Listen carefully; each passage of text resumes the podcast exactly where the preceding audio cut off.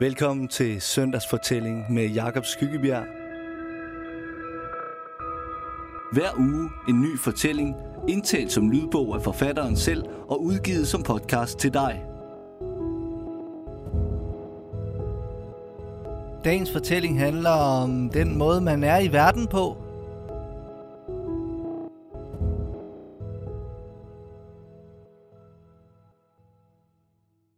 Endnu en bil har begyndt sin langsomme knasende færd ned ad grusvejen oppe fra Toftegårdsvej.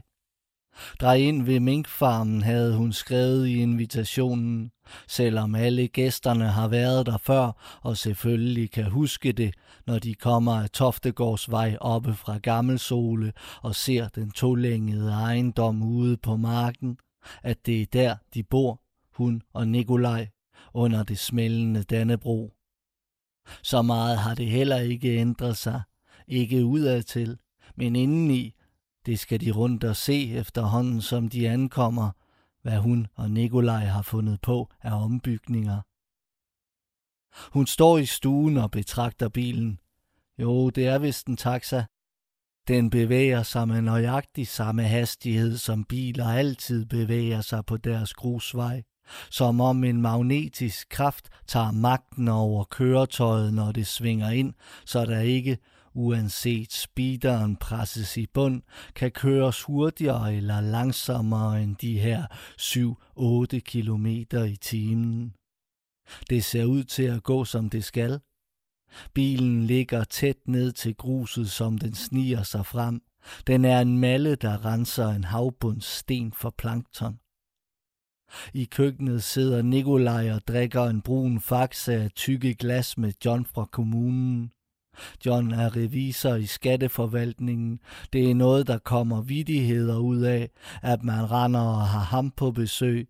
Men med det glimt i øjet, at han jo også er en borger som alle andre.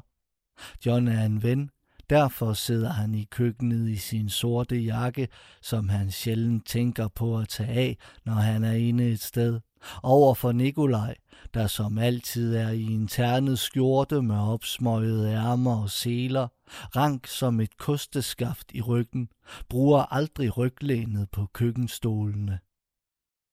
I ovnen knitrer stegen, og duften af hvidløg og salvie trængt ind i sødt svinekød begynder at få plads i den i køkkenet altid tilstedeværende duft af lade, Køkkenet er en af deres egne ombygninger.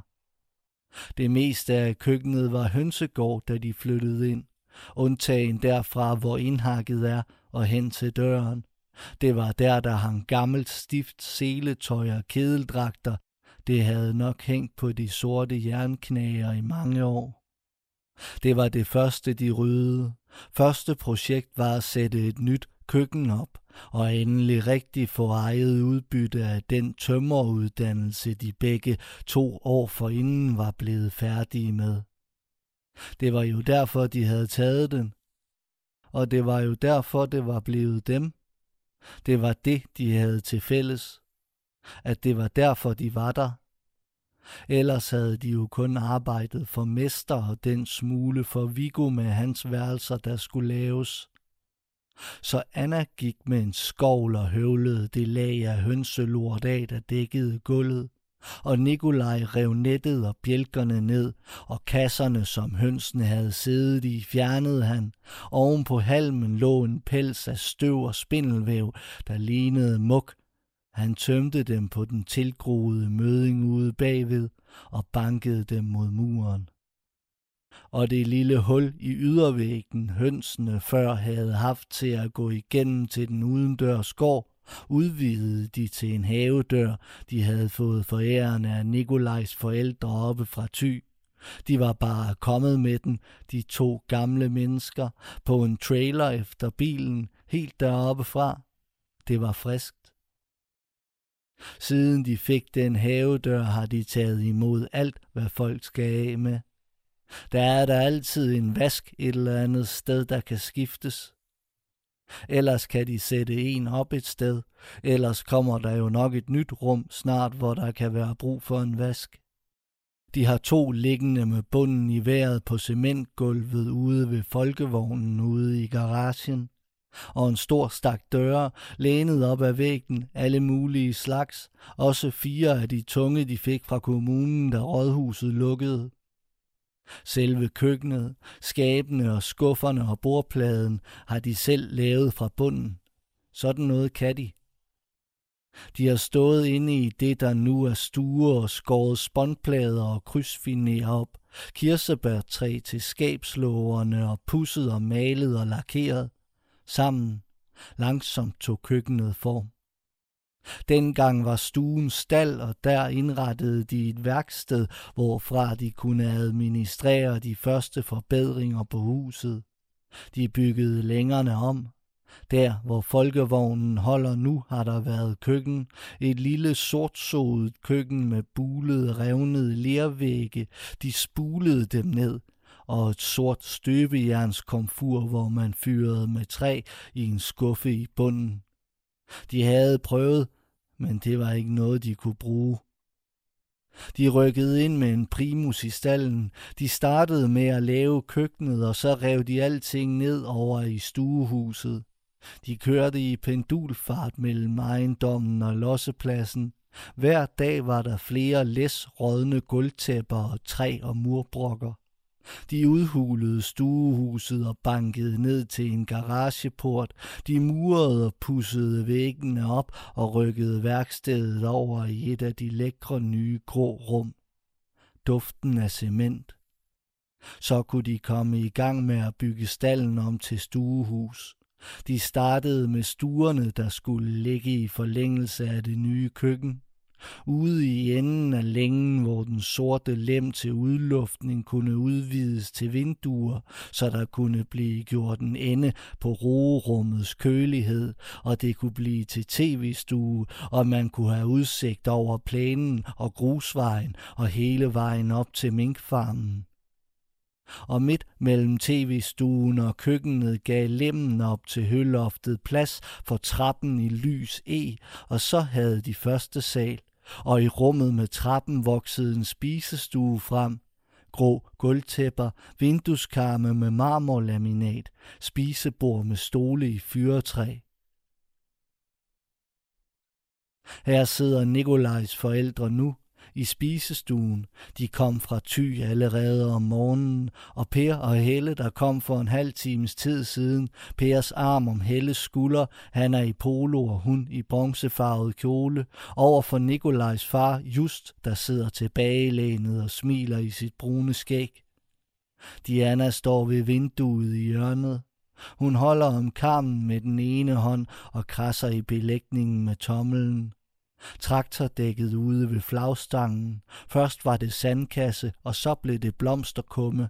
Traktordækket er hendes minde om haven hos Nikolaj og Anna. Det er stadig skinnende Dannebrugs rødt. Selvfølgelig sørger de for at få det malet op. Hun sad ved siden af ved det lille hvide bord og drak sunquick med isterninger med drengene. Den lille ville have det rent, men kunne ikke lide det, da han så fik lov at få det. Og hun gyngede dem på gyngen i elmen omme på den anden side. Hun passede dem for de unge, når de var på weekend alene. Sådan havde det været. Og de havde fået badebassinet, og drengene havde venner på besøg. Det andet søskende par, de delte årgange med i skolen. Og hun undrede sig da, om hun var ved at blive gammel, dengang det pludselig byttede rundt, hvem der besøgte hvem. Den ene storebror besøgte den andens lillebror og omvendt. Så kom just oppe fra Ty i bilen, og alle ungerne løb ham i møde på grusvejen, og nu kunne de alle sammen køre i den gamle brune Datsun op i den nye svømmehal oppe i Hedensted. Diana ser det hele, mens hun står der ved vinduet og ser ud på traktordækket ved flagstangen. Ikke noget lille hvidt bord længere. Det er gået i stykker til en fest, Martin holdt, da han gik på handelsskolen. og der er ikke nogen gynge længere i hjelmen omme på den anden side, og ikke nogen hule mellem træerne for enden af den anden længe. Det tre etagers tårn, Nikolaj og Anna havde bygget til ungerne af affaldstræ, med kontrolstation i toppen med paneler og ret og gearstænger fra traktorer og randegravere. Det er blevet pillet ned, og træerne er fældet. Der er brændestabler der nu. Kom nu ned og sid, siger Just. Anna har anrettet jordbærne i en hvid porcelænsskål på bordet sammen med en kande med en blanding af fløde og sødmælk. Og så står han der skulle pludselig i døren til køkkenet, høj og flot og friseret, i sit navyblå jakkesæt og smiler, som han altid har smilet, når han kommer ind i et rum, hvor han ved, at der er folk, han kender godt. Han lægger hovedet en smule tilbage og lader sine store hvide tænder komme til syne. Deres lille Jakob, den store af dem, de har ikke set ham siden de var nede og besøge ham i Singapore, da han skulle giftes. Tænk en gang, Singapore. Lille Jakob. Han havde taget dem med op på det kontor, hvor han arbejder, og vist dem udsigten over den sydøstasiatiske megacity. Tænk en gang. Så havde de stået der, hans forældre og bedsteforældre, en flok bøvede danskere, og uden at tale sammen alle vidste, at de var enige, at det var den samme oplevelse, de havde af ikke at høre til og slet ikke have noget at gøre der, og at Jakob ligesom var så underligt utilnærmelig for dem. Hvem var han? Og han havde stået der, som om det var ingenting, og snakket om byen og arbejdet. Jakob var fortsat efter handelsskolen, flyttet til Aarhus og havde studeret finans og international business på Handelshøjskolen og arbejdet sig op hos Mærsk og var nu blevet chef for særligt gods i hele Asien og gift med den skønne lille fregnede Line, der også er chef ved Mærsk, men ved en underafdeling for indkøb i Shanghai, hvorfor de to heller ikke bor sammen for tiden. Hun kommer frem der bag ved ham nu, hvor han træder de første skridt ind i stuen, og de indtager rummet med al deres lys. Hendes generte smil, blikket der smutter ned i gulvet. Hun er fra byen af. Det her er fremmed for hende. Hvad er det her egentlig for noget, når det kommer til stykket? Den her form for tilværelse. Og han, den voksne søn, fuldstændig færdig med at spille fodbold ude i haven og rende ind af bagdøren og smække den efter sig, så ruden vibrerer i rammen. Står der i rigtige herresko, sko hans far aldrig ville have drømt om, at det skulle være nødvendigt for nogen at gå i. Og Line i en sort kjole, der er rent konservativ i snittet, men tiltrækkende, næsten magnetisk i stoffet. Tænk en gang, et hoved lavere end han. Per og Helle rejser sig op og giver knus til dem begge. Per og Helle er bedste venner med alle i kommunen, og selvfølgelig også deres familier. Diana er også ved at rejse sig for at give et knus, men just stopper hende. Nej, nej, han kan da komme herned. Anna er drønet ud igen for at hente flere jordbær, og John og Nikolaj er ovenpå for at se den nye sammenbygning med den anden længes første sal. Just klapper Jakob på skulderen, da han giver ham hånden. Line bukker sig ned og giver ham et kindkys. Diana spørger med spinkel stemme, hvornår de landede. Hun føler sig altid så træt i følelsesmættede situationer. Det er ikke mere end et par timer siden. De er faktisk kommet lige fra lufthavnen, mere eller mindre. De var lige ude og trække noget luft, inden de tog vognen. Nå, siger Diana. Så har man jetlag, siger Jakob. Så har man byttet lidt rundt på nat og dag. Nå, det er rigtigt nok, siger Per og lægger armen på plads om Helles skulder. Jetlag, det kender jeg godt fra, når jeg har fløjet for firmaet. Så er det Anna, der står i døren med sin balje med jordbær. Hun skynder sig frem, skvatter nærmest ind i stuen for at stille den på bordet. Gå nu ud i køkkenet og vask din jordbær, siger Just. Ja, siger Anna og smiler til Jakob og forsvinder tilbage ud i køkkenet. Hanen starter. Hun kommer ind igen, tørrer hænderne i viskestykket på væggen ved døren. Hej, siger hun og kommer hen og giver sin søn et knus, mens Just klapper hende beroligende på hoften. De tog en taxa fra lufthavnen. Ja, hun så den godt komme. Så gik de lige ind og så, om der var kattekillinger i brænderummet, inden de kom ind. Det havde Line jo hørt om, men han kunne jo slet ikke kende det derude. Nu vil Anna lige anrette jordbærne, så kan de få en rundvisning bagefter. John kører fødderne hen over det glatte parketgulv. Det er godt nok blevet fint. Og en hyggelig oase, de har fået lavet der, med de to lænestole fra borgmesterens kontor, og så med den udsigt gennem de store vinduer, ned over bakken og marken ned til skoven. Og bordet, også derfra. Nå! Og brædderne, som loftet er beklædt med, er fra det hus, Henrik rev ned nede ved mosen. Ja, Agnetes gamle. Nikolaj går hen og slår det lille tagvindue op. Ja, det har jo siddet der hele tiden. Nå, nu kommer der gæster. En bil er på vej op ad grusvejen, og der er også nogen, der er ved at stige ud af en nede på gårdspladsen. Hvor mange har I inviteret? siger John. Jonas, kalder Nikolaj, da han svinger ud fra garagen. Det er Martins ven helt fra børnehaven, der er kommet. Helt fra før børnehaven, vuggestuen. Hvornår var det egentlig, deres veje krydsedes første gang? Nikolaj og Anna var venner med Jonas forældre. De kom hos hinanden. De boede på en større ejendom længere ude af Toftegårdsvej, var flyttet ind næsten samtidig med Nikolaj og Anna, men deres var en, de havde arvet. Jonas står ved hoveddøren og er ved at trække sine sko af mod trinet. Han stopper det, da Nikolaj kalder, og tramper dem på igen, så godt som da hælen bliver trådt ned. Han går møjsommeligt Nikolaj i møde. Alt hvad Jonas gør har det møjsommelige over sig, som om alting volder ham besvær.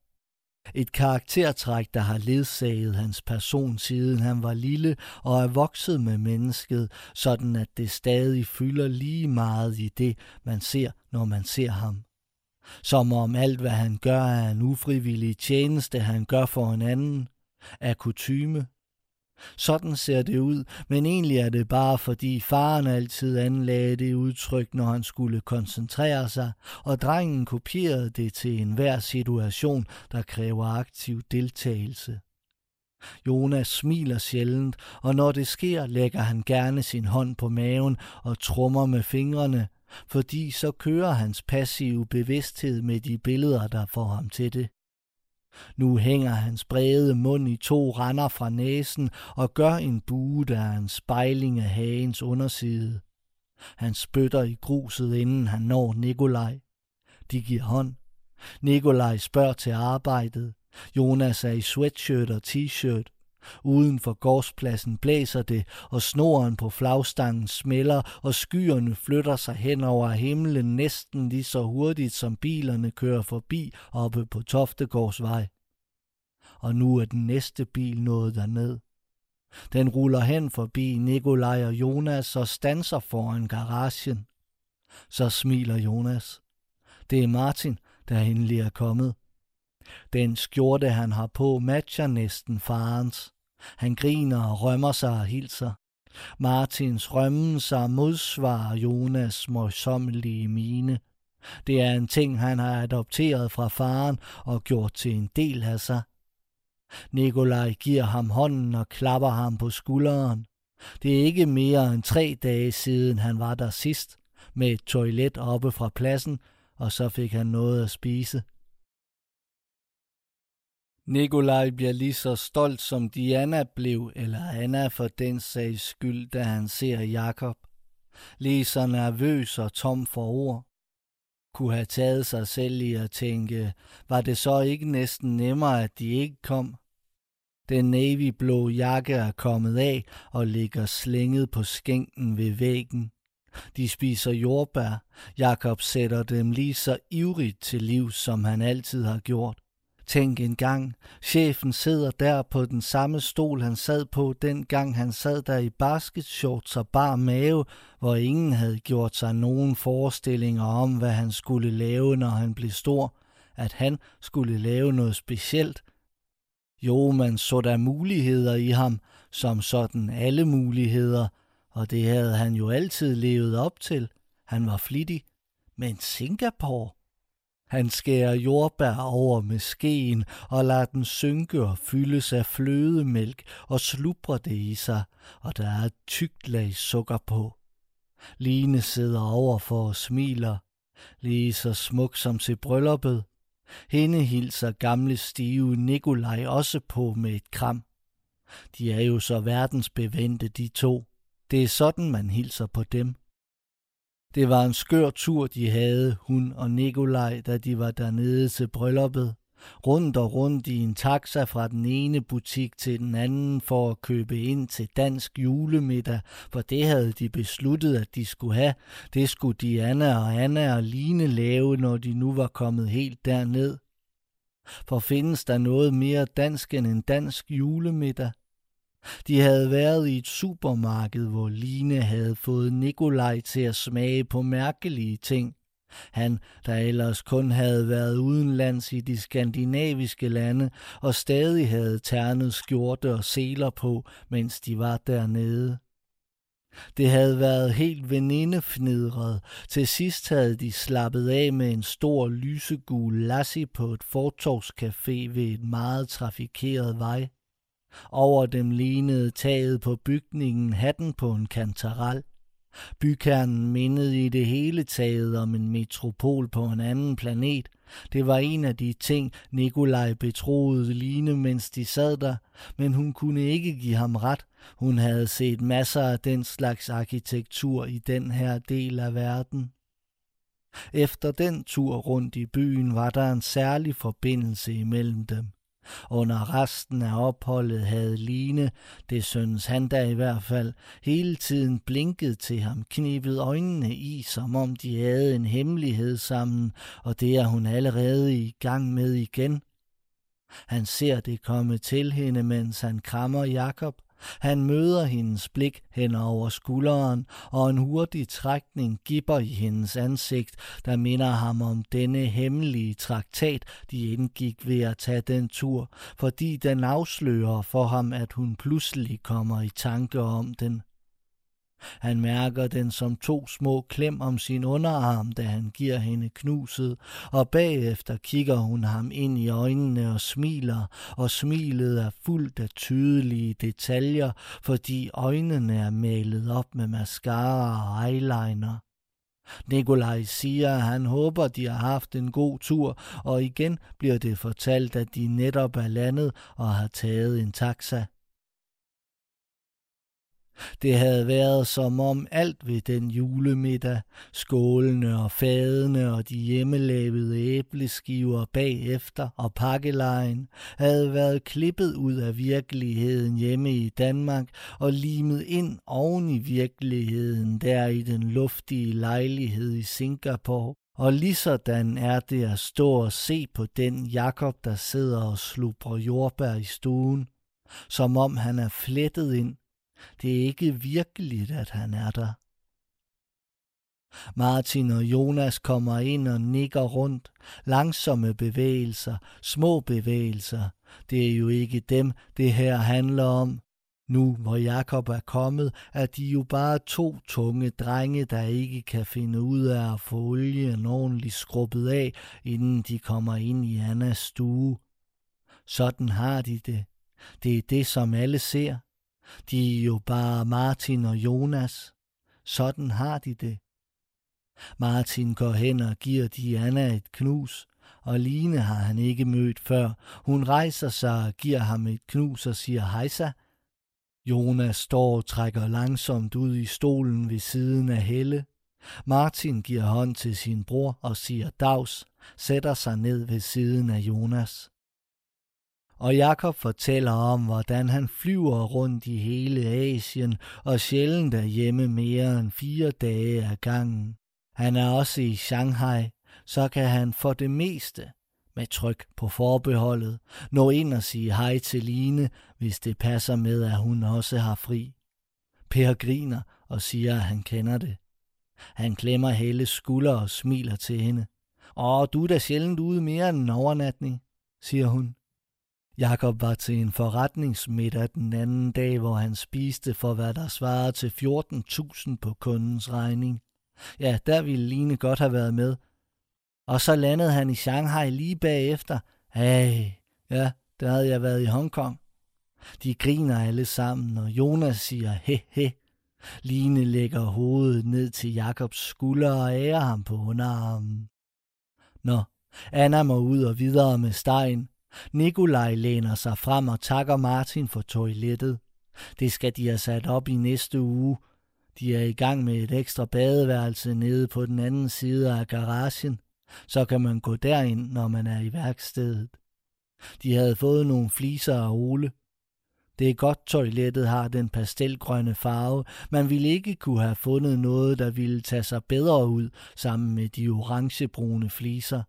Så kan han selv lave en matchende hylde til at hænge under spejlet, eller de kan også gøre det sammen. Særligt gods, siger Jakob. Special cargo. Det vil sige ting, der er for store til at være i en container. For eksempel traktorer eller vindmøller eller maskiner, simpelthen gigantiske maskiner til minedrift. Sådan nogen, der i løbet af en håndfuld år kan tykke et helt bjerg om til grus. For et par uger siden havde vi et kæmpestort træ oppe i Fukuoka, der skulle ned til en udstilling i Oman. Nogle gange flytter de en jagt, på et tidspunkt en til over 100 millioner. De går rundt for at se ombygningerne, undtagen Diana, der går i køkkenet for at hjælpe Anna. Ovenpå, efter de har set sammenbygningen og udsigten fra borgmesterens lænestole gennem de store vinduer, ser de kontoret, der er blevet bygget i Jakobs gamle værelse. Det var et stort værelse på 7 gange 6 meter med skorstenen op igennem i midten, Kontoret er blevet bygget i hjørnet og når lidt mere end halvvejen hen til væggen ind til Martins gamle værelse, hvor der nu er pulterkammer. Kontoret er indrettet med et stort gulligt træskrivebord fra 70'erne og en blå kontorstol. Det er oppe fra lægehuset i Hedensted, ja, der hvor de også fik de fire gamle computere fra dengang. Ja, og sådan en skal der også ind på kontoret stå. Martin skal bare lige have dem formateret. Var det ikke formateres, de skulle, Martin? siger Nikolaj, og Martin nikker. Jo, formateres, jo. Lige nu er der kun skrivebordet og kontorstolen og et tomt arkivskab oppe fra minkfarmen og så en indrammet plakat med en akvarelkopi. En blomst af en art skal det vist nok forestille i lilla og grønne nuancer med en lille gul plet i midten og de har ikke lige fået varmen helt installeret, men det kommer. Der er styr på det. De har fået en hel masse rør og radiatorer fra en ejendom, der blev revet ned oppe i Horsens. Martin havde været hurtig, men ja, noget af det er jo noget rusten lort. Der skal lige sorteres i det. Det var kontoret. Så er der resten af det gamle værelse. Der er kommet nyt gulvtæppe på, henholdsvis et pænt stort et fra lægeklinikken og et mindre lap, de havde liggende fra det gamle kontor nedenunder, hvor der nu er viktualierum. Så er viktualierummet blevet vaskerum. Det plejede de jo at ordne ude på det store badeværelse ved siden af køkkenet. Lappen dækker det meste af stykket fra kontoret hen til væggen. Så har de sat et stort skab for inden, der dækker det sidste. Nikolaj peger. Man kan lige ane det, og en skinne har de skruet fast, der skjuler den linje, hvor tæpperne mødes.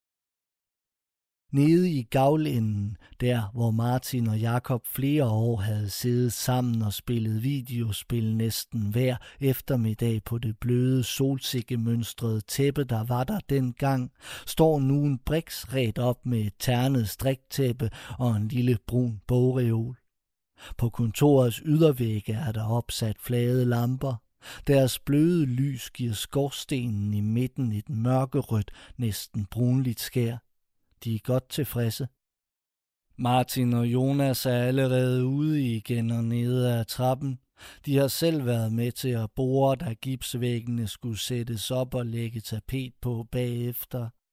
De dumpede handelsskolen sammen og lod det være ved det. De havde ellers begge været jævne i skolen og fik som regel lavet deres lektier, men så snart de var ude af 9. klasse, kunne de ikke mere. Skole blev lige med at sidde og hugge fingrene af sig selv, en efter en hver dag, sidde der i klassen og være underlagt den femsede lærers bøssediktatur og skulle svare på, hvad sådan en bøsserøv fik drysset ud af sine lilla skjorteærmer, og eleverne, der sad med åben mund og lyttede. Idioter. Jonas holdt i bilen og ventede, da Martin kom ud og også havde dumpet sin sidste eksamen. Det havde nærmest været det, det handlede om. Ikke at falde til patten her på falderæbet, men give dem den helt hårde tur. Der skulle dumpes. Han havde brugt eksaminationstiden på at kommentere på størrelsen på lærerindens fødder. Det havde de grinet af nogle minutter ude i bilen på parkeringspladsen. Af de mest ulogiske slutninger havde han besvaret spørgsmålene ved sammenligninger med ting som lærerindens tæers vilkår, den belastning, de blev udsat for ved gnidningen mod de andre tæer i lærerindens sandaler. Han havde inddraget blodårenes fremtræden henholdsvis helt oppe ved anklen og længere nede på fodryggen ved sandalernes nederste strop.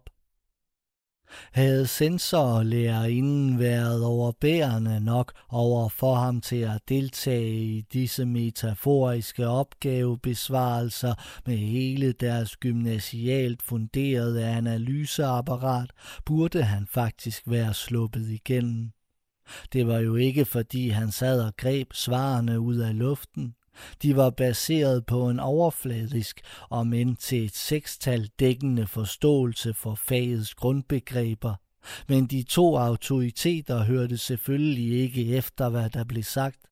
Fra han var et stykke inde i formuleringen af det første svar, da han netop havde dukket sig ned og kigget på lærerindens fødder under bordet, og til han var næsten igennem det, havde hun siddet og kigget på ham med halvåben mund og opkrænget overlæbe, og herefter havde hun siddet og kastet sin opmærksomhed rundt i lokalet og rettet på sit hår, når det faldt ned foran ansigtet. Sensoren havde kigget spørgende på hende og rømmet sig og lettet sig lidt fra stolen og sat sig igen, men eksaminationen var fortsat, indtil han til sidst sagde, at han aldrig havde været med til noget lignende, og om de ikke bare skulle stoppe. Da kunne man se lærerindens stolthed om sider blive krænket at hun ikke havde stået igennem dette psykiske missilangreb uden at lade sig mærke, at hun ikke havde fået lov at stå igennem med et halvt øre og et intenst fokus på den karakterafgivelse, hvormed hun, når angrebet var til ende, ville kunne forme hele Martins fremtidige livsbane. Hun dirrede, sagde først ikke noget, kæmpede med al sin vilje mod at knytte hænderne eller på anden måde lade sit kropssprog vise, at hun var berørt af situationen. Sensoren talte til hende, og hun stirrede på ham, som mistænkte hun ham for at stå i ledtog med eleven. Som mistænkte hun, at denne eksamen var planlagt til at skulle være det endelige opgør. Den eksplosion, der omsider fik lov at ske og langsomt, langsomt vokse og absorbere alt, hvad der hidtil havde været af stridigheder hun og Martin imellem. Den endegyldige udtværing, der skulle overbevise hende om, hvad sandheden åbenbart var at alle omkring hende, elever som kolleger, havde været med til dette rankespil, at hele Martins toårige ophold ved skolen havde været stillet an for at nogen, eksempelvis hendes mand hjemme i Aarhus, eller måske endda hendes forældre, om sider og for tid og evighed skulle få hende til at forstå, hvad hun var for et uønsket menneske der passerede for hende, mens sensoren konkluderede over for Martin, at han vel var klar over, hvor utilstrækkelig hans præstation havde været. Alle de ubehagelige situationer fra hendes liv, hvor netop den følelse havde fundet rum til at slå ild i hende. Allerede da hun var 4-5 år og på vej fra børnehaven hen over skolegården til bilen, var kommet til at tage en fremmed mand i hånden i den tro, at det var faren, og manden havde vristet hendes hånd fri, nærmest kastet den bort og sagt, nej fandme nej.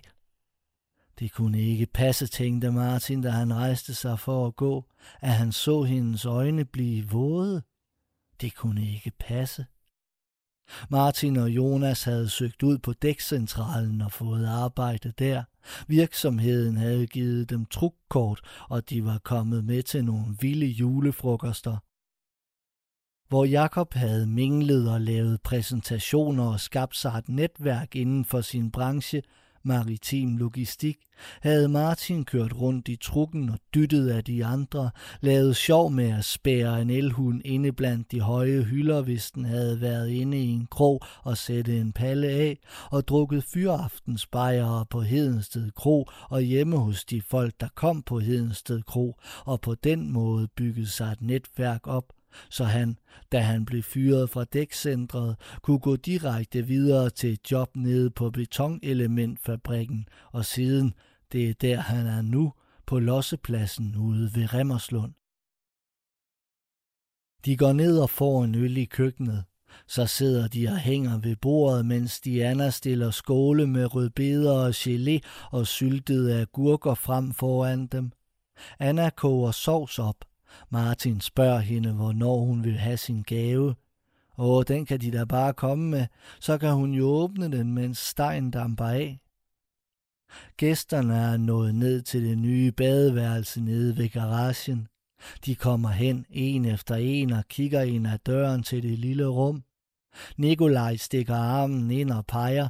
Der hænger en af Jakobs indianertegninger fra 4. klasse på væggen. I hovedhøjde, når man sidder ned. Tænk engang, Singapore. Jakobs telefon ringer. Han taler i den på engelsk. Munter, en frisk, lys stemmeføring, der kunne minde om en talkshow-værts.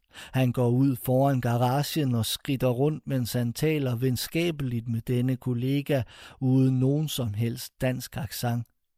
Per kigger på ham, men det er umuligt at følge med i, hvad han siger. VIP, siger Nikolaj. De går videre ud på gårdspladsen og ind. I entréen, mens de hænger deres jakker op, kommer just med en bemærkning om, at det der bare er firmaets strategi for at få folk til at blive ved dem og gå med på deres tossede idéer, være lojale, tage firmaets navn til mellemnavn, at de sender de unge ud til Asien et sted, hvor de kan føle sig vigtige. Nikolaj ryster på hovedet. Og så vil Just forklare sin teori igen, men Nikolaj ryster på hovedet. Nå, er stegen parat? Han slår hænderne sammen og går hen og dufter til sovsen. Jo, den er vist som den skal være. Ved bordet sidder Martin og Jonas og Anna med sin gave. En forkromet toiletrenser med holder til væggen og en matchende toiletrulleholder. Efter maden må Jakob og Line hoppe og ligge. De får et af gæsteværelserne på første salen i den anden længe. John kører med Per og Helle. Det er ved at blive mørkt, og man kan se bilens røde baglygter bevæge sig op ad marken af grusvejen. Martin og Jonas bliver og drikker flere øl. Jonas har en ramme slotståser med fra ham over i Bredal. Just og Nikolaj drikker en faxe og går så også over til dåserne. Diana drikker citronvand med en lille smule øl i. Hun og Anna har skyllet af efter maden. Da alkoholen begynder at kunne mærkes, slapper Nikolaj for første gang af i ryggen. Han læner sig på albuen på bordet og snakker med drengene om den båd, de gik sammen med to venner og købte for et år siden. De er stadig ikke kommet i gang med restaureringen. De har i flere måneder overvejet at sælge den igen. Så vil de miste halvdelen af pengene.